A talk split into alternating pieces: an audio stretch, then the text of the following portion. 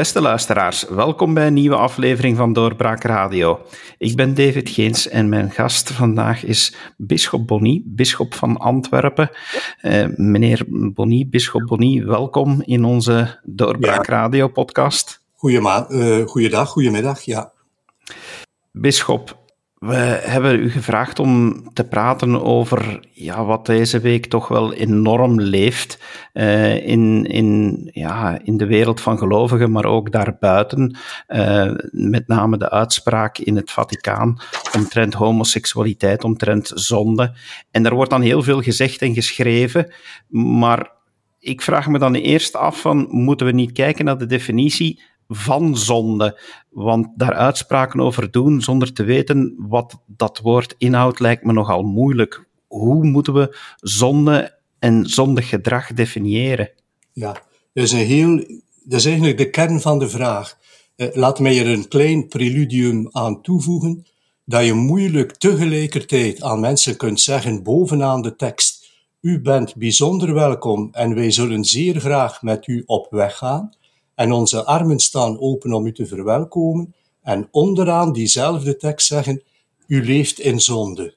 Eh, dit communicatief is dit al een miskleun. Eh, dit moet je, je moet, het is het een of het ander. Goed. Wat nu zonde betreft, in de, en ik spreek nu al vanuit de katholieke moraaltheologie, dit is een van de, uiteraard, oudste begrippen, een van de vele technische begrippen uit onze theologie, die we overigens hebben uit de Bijbel. En een woord dat ook buiten de christelijke traditie gangbaar is, maar waarvan wij in de kerk altijd gezegd hebben, daar moet u zeer, zeer behoedzaam mee omgaan. En er moeten veel criteria vervuld zijn, vooraleer je van iets minder goed, een kwaad, kunt zeggen dat het ook nog eens een zonde is. En de grote moraaltheologen in de kerkgeschiedenis hebben zich niet bezig gehouden met de vraag hoe kan ik dat begrip zo ver mogelijk uitrekken, maar eerder met de vraag hoe kan ik het zorgvuldig inperken. Want zonde, dan kom je inderdaad bij datgene wat uh, afbreuk doet aan mijn waardigheid en wie ik ben, afbreuk doet aan mijn relatie doelbewust, wetens en willens met andere mensen, en ook mijn relatie met God kapot maakt. Goed, en je doet nog niet zomaar zonde, wanneer je zonde wil doen. Ik heb daar net een paar dingen gezegd. Het moet wetens en willens kwaad willen doen. Het is niet alleen dat je wetens en willens iets gedaan hebt, nee, het was met de intentie om kwaad te doen. De vraag is, klopt dat hier al over die verhouding tussen twee mensen van hetzelfde geslacht, een, een holibi-relatie? Klopt dat dan dat men doelbewust kwaad wil doen? Tweede vraag, tweede criterium, er moet een alternatief mogelijk zijn om voor een andere oplossing te kiezen. Je moet dus op zijn minst de mogelijkheid hebben om anders te handelen. In dit geval betekent dat de mogelijkheid hebben om een andersoortige relatie aan te gaan. Op dat punt hebben de menswetenschappen onze laatste 20, 30 jaar heel veel geleerd. En waar men vroeger zegde, och, dat is een verkeerde keuze die je maakt of nog erger, dat is een ziekte waar jij mee zit en die je moet laten behandelen, zegt men nu, nee, dit is een stuk ingeboren identiteit. En het zou zelfs kwaad berokkenen aan anderen, indien jij tegen jouw identiteit in, toch in dit geval een heteroseksuele relatie zou ontwikkelen. Hoeveel uh, sacramentele huwelijken heeft de kerk in de voorbije dertig jaar niet ongeldig verklaard? Omdat er op het moment van het huwelijk al sprake was van een homoseksuele aard. Maar om te zeggen, de kerk aanvaardt impliciet al. Kijk dus naar de, de, de huwelijken die worden onheldig verklaard, dat er ergens relationele mogelijkheden en onmogelijkheden bestaan. Wel nu, als jij in de relationele onmogelijkheid bent, of in de, ja, om een heteroseksuele relatie aan te gaan, ja, dan is de keuze direct al een andere, dan is die al ingeperkte. Dat zegt, ja. Uh, drie, een derde iets voor kwaad is ook, kwaad is altijd maatschappelijk gedefinieerd. En dat evolueert mee met de geschiedenis. Er zijn dingen die nu kwaad zijn, maar die men 50 jaar geleden niet als kwaad beschouwde. Ik geef een voorbeeld. Nu bijvoorbeeld bepaalde chemische stoffen voluit storten in de natuur, was in de tijd van mijn grootouders in de landbouw, werd zelfs niet als een kwaad beschouwd. Als nu iemand uit de landbouw of uit de chemie doelbewust wetens en willens bepaalde stoffen lost in de natuur, dan gaan wij zeggen vanuit gelovig standpunt, dat is niet alleen een kwaad, dat is een zonde. Dat is wetens en willens een kwaad doen. Nu, dat misschien honderd jaar geleden niet als kwaad gedefinieerd werd. En, en dat is dan het, daaraan hangt vast, die ethische ontwikkeling, dat wetenschappelijk inzicht, dat weten en willen, dat ligt niet gelijk verdeeld over de wereld. Je kunt niet zeggen dat wereldwijd alle continenten, alle landen en de populaties op hetzelfde ethische diapason zitten. Dat zijn gelijk, ongelijktijdige evoluties op hetzelfde, in, op hetzelfde moment. Er zijn dingen misschien die je in Afrika kunt doen, maar die je nu niet in Antwerpen kunt doen. Evengoed als er dingen zijn die je nu in Antwerpen kunt doen, maar die je nu niet moet doen in het hartje Afrika, omdat je daar mensen mee kwetst. Dat is eigen aan, dus het kwaad is ook sociaal gedefinieerd. En sociaal wil zeggen getekend door ja, tijd en ruimte, verschillend per land en continent, en verschillend ook per tijd waarin je leeft. Dus ik kreeg een vraag gisteren, ja maar kan dat dan, dat iets, geen zonde, dat iets een zonde was, 100 jaar geleden en vandaag niet? in bepaalde omstandigheden, bepaalde vragen, kan dat inderdaad. Is dat dan misschien ook een stuk het probleem waar men in Rome heeft mee gesukkeld, dat men nu een uitspraak moest doen, wetende dat men natuurlijk vanuit het Vaticaan dat dat voor de ganse wereldkerk geldt eh, en dat dat hier een heel andere weerklank krijgt dan dat dat bijvoorbeeld in Afrika zou krijgen? Oké, en daar versta ik, heb ik alle begrip voor de situatie van, en de verantwoordelijkheid van de mensen in Rome. Zij moeten de kerk bij elkaar houden. En zij moeten, zoals de as van een wiel, proberen zo de, heel dat bewegende wiel bij elkaar te houden. Uh, goed. En op dit punt nu van homohuwelijk, dat is ook heel duidelijk, zitten wij hier in dit deel van het Westen met een afgetekende minderheidspositie. Dus als je het wil beslechten met koppen tellen, ja, dan verliezen wij dat. Dus moest je nu gewoon een democratische verkiezing houden wereldwijd, dan verliezen we dat. Nu, uitgerekend in Rome zegt men al 40 jaar, ja, maar de kerk is geen democratie. Zo werkt het niet. Wat is nu het probleem? Dat argument haalt men soms uit in hun voordeel. Of men gebruikt het in zijn voordeel, soms wel, soms niet. Want de kerk, ik zou dat ook zeggen, is geen democratie. De kerk bestaat uit lokale bisdommen. Lokale bisdommen over heel die wereld, telkens in andere landen en in andere culturen. En mens, het eigene van het bisschopsambt is dat je als bisschop ter plekke verantwoordelijk bent, niet alleen tegenover de paus, maar tegenover God en Jezus Christus, voor de beste pastorale zorg bij uw mensen en uw bisdom. Dus als men nu van mij zou zeggen, ja, maar die kerk die kijkt niet verder dan zijn bisdom, dan zou ik zeggen, dat is uitgerekend datgene waarvoor ik naar Antwerpen ben gestuurd. Om op de eerste plaats te kijken naar wat hier en nu moet gebeuren om het vertrouwen van mensen in de kerkgemeenschap te versterken. Uiteraard, uiteraard moet ik rekening houden met mijn confraters in andere continenten. Uiteraard moet ik rekening houden met, met Rome. Het zal nogal mankeren. Ik heb er zelf ook elf jaar gewerkt, dus dat weet ik maar al te goed. Maar eenmaal bisschop gewijd en eenmaal je die ring gekregen hebt die een bisschop draagt, die eigenlijk een huwelijksring met uw bisdom is, dat is geen teken dat je getrouwd bent met de universele kerk. Die ring wil zeggen, je bent met iemand specifiek getrouwd. Een man die een huwelijksring draagt, dat is niet omdat hij getrouwd is met alle vrouwen. Dat is omdat hij met die ene getrouwd is die ook een ring draagt. Voilà, dus ik, mijn bischopsring die staat voor, de diepe betekenis is daarvan, gij zijt getrouwd met die lokale kerk.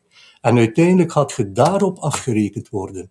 Of je daar het vertrouwen van de mensen en de goede herderlijke zorg die Jezus hier wil geven, of je dat hebt gedaan.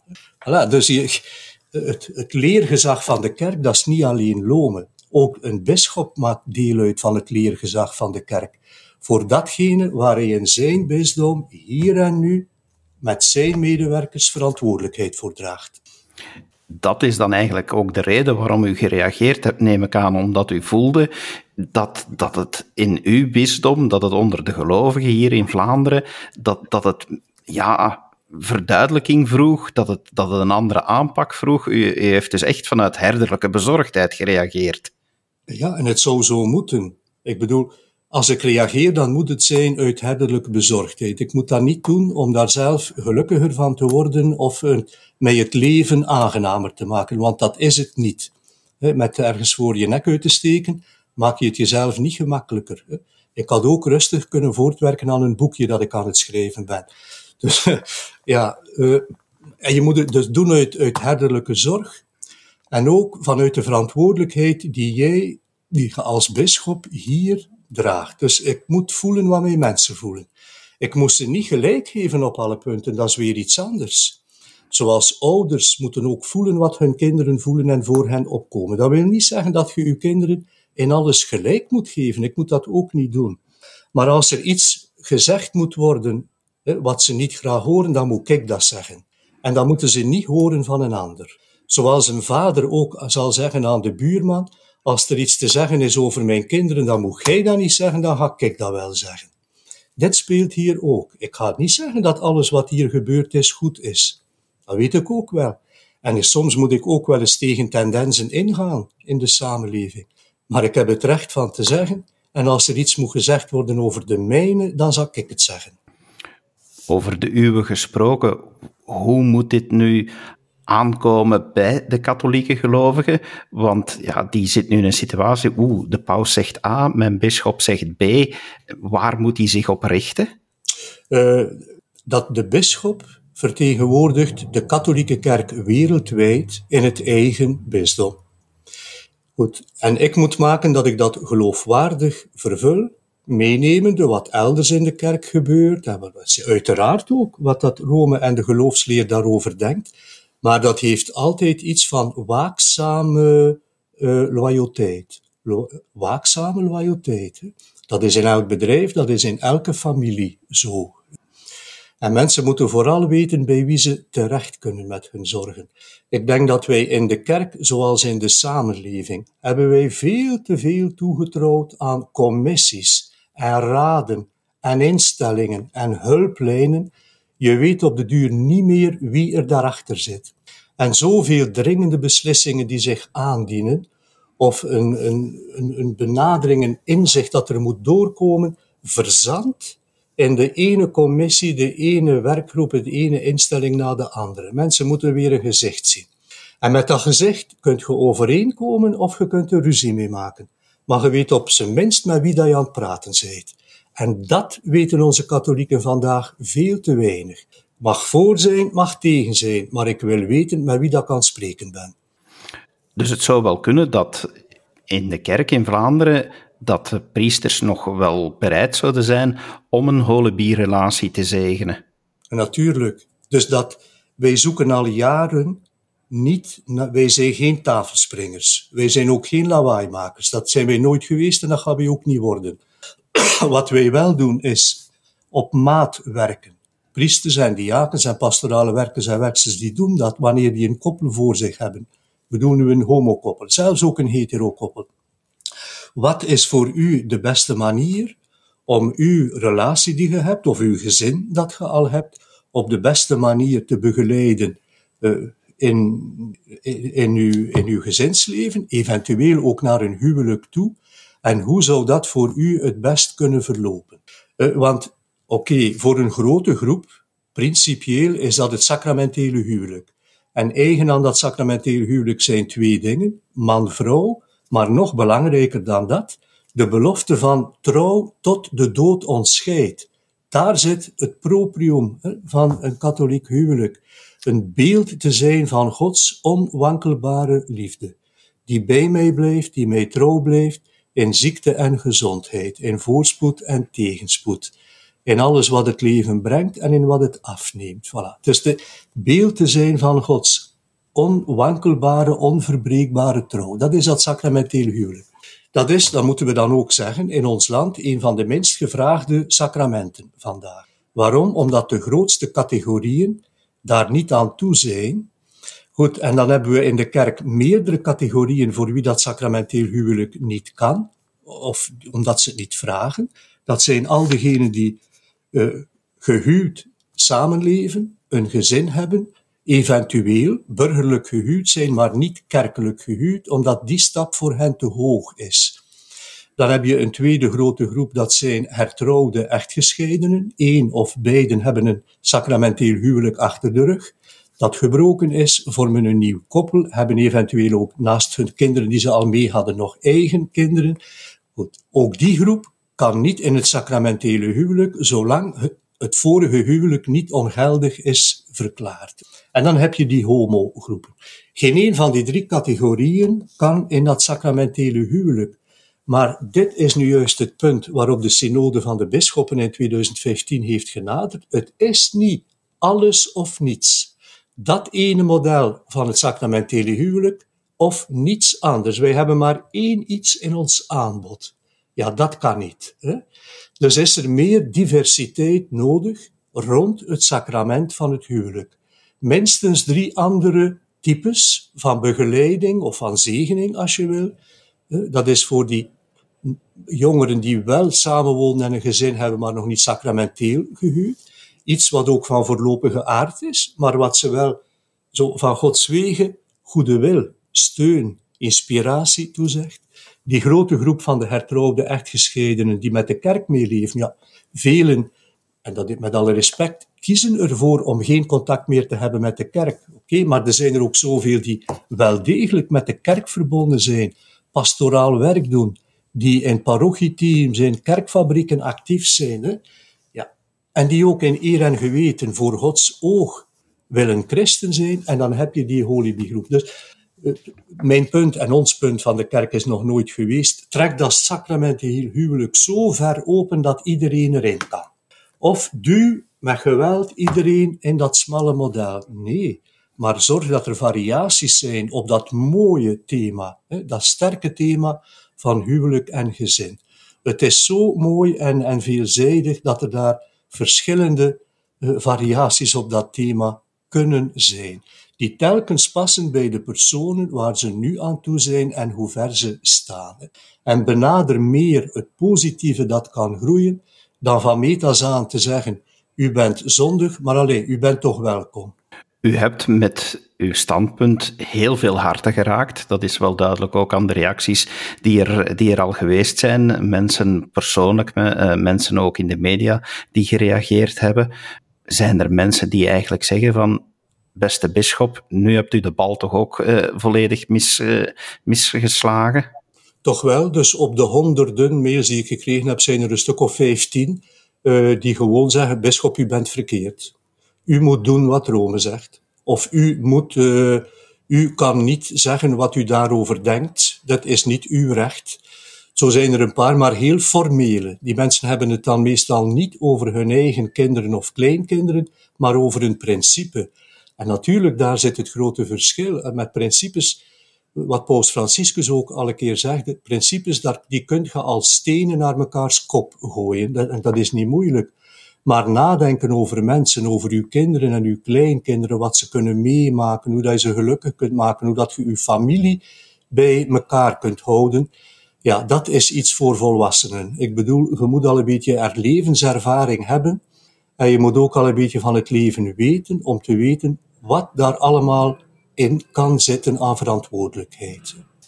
Bij het aantreden van Paus Franciscus ging er een zucht door de wereld. Eh, men, men, beschouwde dat er, dat er een nieuw tijdperk zou aanbreken. Hij heeft zelf al heel mooie dingen gezegd over, over toenadering tot, tot mensen die vroeger in de zich in de rand zouden gevoeld hebben van de kerk. Is het dan verwonderlijk dat, dat hij nu akkoord is gegaan met dit standpunt, die dan ja, zo'n zwaar etiket gekleefd heeft?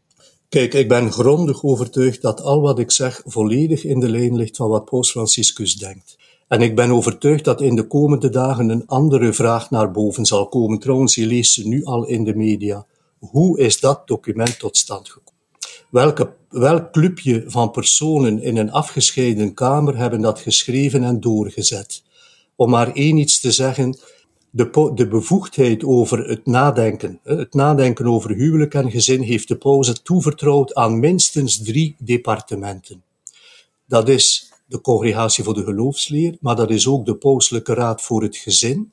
En dat is ook de Bisschoppensynode, het secretariaat van de Bisschoppensynode, aan wie hij de verdere reflectie en de, het uitwerken van Amoris Laetitia, dat die exhortatie naar de synode heeft toevertrouwd. Als nu zou blijken dat twee van de drie niet betrokken zijn geweest in het tot stand komen van dit document, dan zit er, is er een grote vraag over, uh, laat maar zeggen, de legitimiteit van, van dit stuk. Ten tweede, als zou blijken dat niet al de kardinalen en bisschoppen die lid zijn van de Congregatie voor de Geloofsleer over zo'n belangrijk punt, dat ze daar niet over hebben geconcerteerd en een formele meerderheid hebben gevormd in vergadering, want er zijn toch ook bepaalde formele vereisten, dan is er een tweede grote vraag die naar boven zal komen. En dus ik denk dat vlug zal blijken dat de vraag ook zal gaan over uit welke achterkamers komt dit? Al staat er een handtekening onder van een kardinaal, maar dat is in Rome niet zo moeilijk.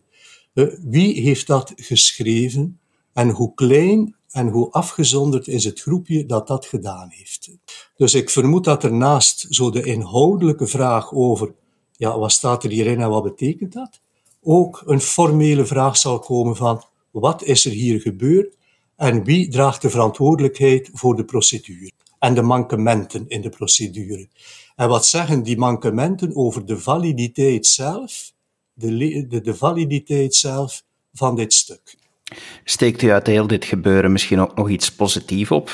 Ik denk bijvoorbeeld ja, dat je toch hier kan uit afleiden dat wat de kerk zegt en doet nog altijd de gemeenschap beroert, dat, dat jullie niet als een clubje buiten de maatschappij worden beschouwd?